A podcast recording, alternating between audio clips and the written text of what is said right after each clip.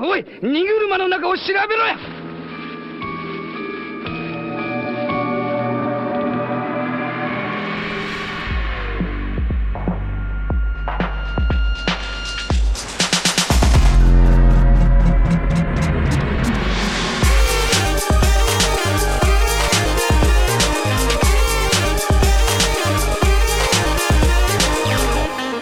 Ahoj, já jsem Standa Biller a dneska spolu umřeme na vysokých školách, tedy po školkách, základních školách a středních školách. Zatímco absolvování vysoké školy má člověku zajistit vedle vzdělání také takzvané lepší uplatnění na trhu práce a tedy také lepší peníze, což je pravda a všechny statistiky to potvrzují bez ohledu na to, jakou školu vystudujete, Neplatí to tak úplně v jednom jediném případě. A to, že se rozhodnete na vysoké škole učit. A to zvláště v případě humanitních vysokých škol. Petr Fiala se chlubí na sociálních sítích, že se nám daří lehce snižovat státní dluh a díky tomu plníme maastrická kritéria, což je super, protože to jsou kritéria nutná pro přijetí eura, což je měna, kterou jeho strana a jeho vláda nechce nikdy přijmout.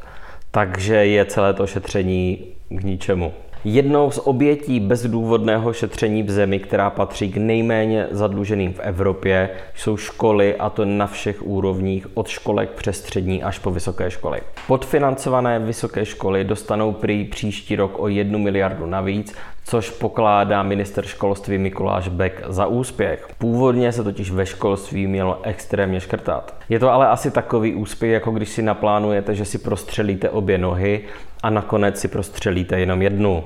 Nemůžete úplně čekat, že vám za to bude někdo tleskat. Proti zoufalému podfinancování vysokých škol a mizerným platům se ozvaly především humanitní vysoké školy a to celodenní stávkou. Minister školství protestujícím zkázal, že jejich požadavky na navýšení rozpočtu na příští rok o 3 až 4 miliardy a ideálně o 10 až 11 jsou nereálné. Tady je nutné se zastavit u toho, kdo stanovuje, co je a co není reálné.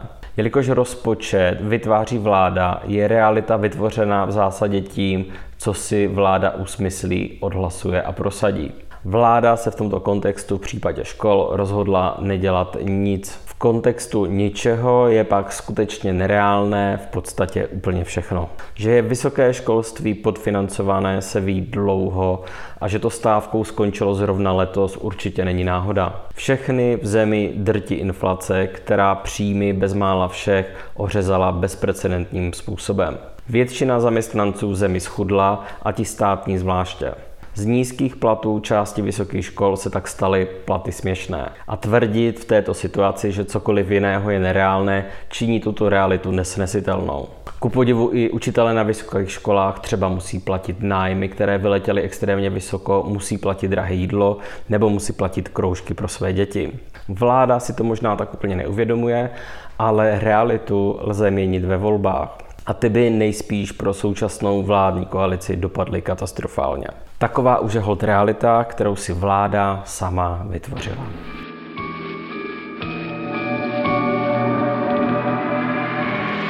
Vláda je i na české poměry nepopulární způsobem, jaký jsme tady za posledních 30 let v podstatě neviděli. Může si sice zaplatit, kolik chce lidí na boj proti takzvaným dezinformacím, nebo platit ze státního rozpočtu kampaň, která má zvýšit její popularitu. Nic to ale nezmění na faktu, že za její nepopularitou stojí její vlastní politika a vlastní komunikace, která je sama o sobě dezinformační.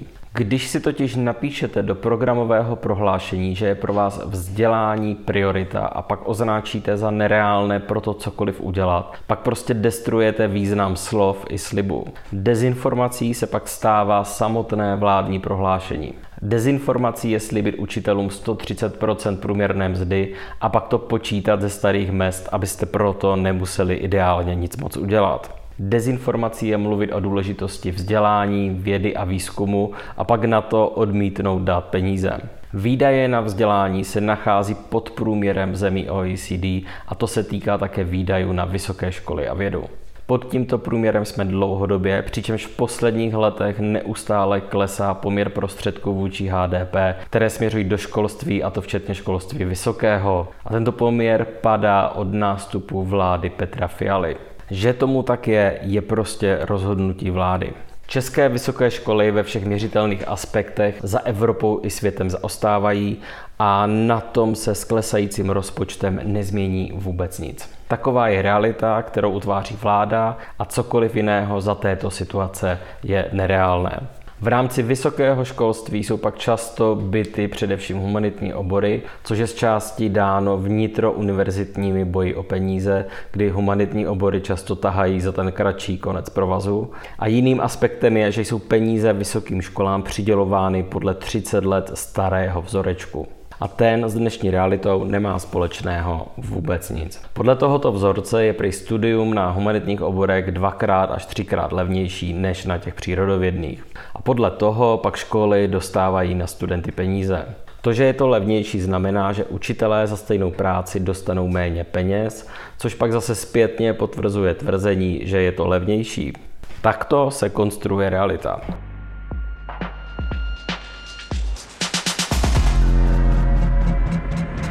Pokud milujete pořad Všichni tady umřeme a chtěli byste ho podpořit, kupte si nové tričko s věčně hladovou marunou na e-shopu Alarmu na adrese e-shop.denikalarm.cz. Děkujeme. おい荷車の中を調べろや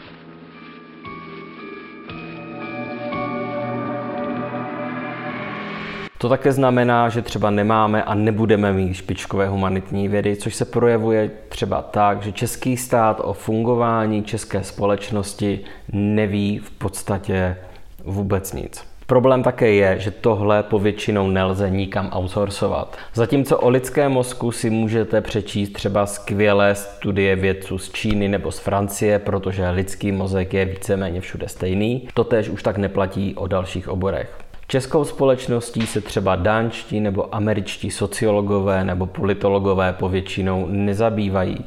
O češtinu pečují také domácí katedry, to též platí o historii a takto by se dalo velmi dlouho pokračovat. Realita je prostě taková, že českým politikům je česká společnost, kultura a dějiny jedno. Čím dál větší záhadou ale pro mě je, proč přesně existuje český stát jaký a pro koho to má přesně benefit. Samozřejmě krom hrstky oligarchů. Skoro to vypadá, jako by český stát na všech úrovních od základního přes střední po vysoké školství sledoval jako jakýsi prapodivný cíl a to vyhladit českou společnost, kulturu i vzdělanost. O všechno z toho nejspíš nejvíce pečovalo Rakousko-Uhersko, které jsme považovali za žalář národů. Ten jsme rozbili a nahradili jsme ho vlastním pracovním táborem.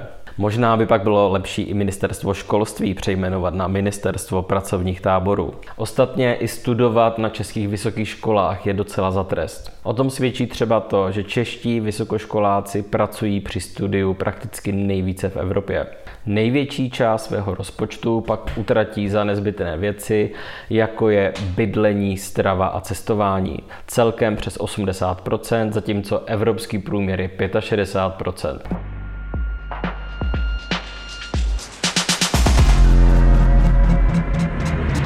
Tím také souvisí, že čeští studenti dostávají od státu nejnižší, tedy prakticky žádnou podporu. Zatímco každý dánský student dostává od státu automaticky peníze, aby mohl studovat a rozšířená jsou v dalších zemích stipendia nebo alespoň bezúročné půjčky, český stát neposkytuje studentům prakticky nic. Tím se završuje fungování české vzdělávací soustavy, která reprodukuje nerovnosti a chudobu dětí, kdy dětem ze znevýhodněných podmínek hází klacky pod nohy od školky až po univerzity.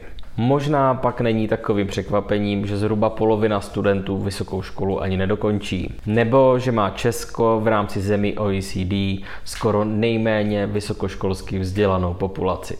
No a tuto populaci pak zvláště na humanitních školách učí špatně placení učitelé, aby jim výplatní páska každý měsíc připomínala, že český stát nějaké vzdělání a znalosti nezajímají. Vláda se chlubí šetřením, ale vůbec nedokáže vysvětlit, proč a pro koho to přesně dělá. Náš problém je zanedbané školství a ne státní dluh. Vládní preference padající k nule celkem věrně odráží situaci, kdy vláda řeší věci, které skoro nikoho nezajímají a neřeší věci, které jsou skutečně důležité. Je dobré si připomenout, že bychom mohli prakticky skokově od příštího roku poslat do školství o desítky miliard korun navíc. Máme nízké zadlužení a na daních vybíráme méně než evropský průměr. Jediný důvod, proč to neděláme, je, že to vláda nechce. Taková je realita, kterou si sama vytvořila.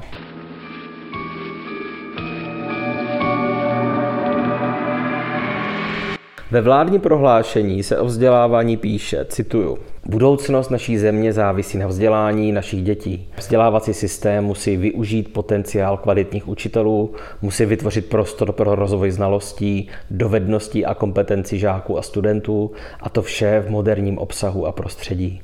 Vzdělávací systém musí umět pomoci těm nejslabším, stejně jako podpořit talenty.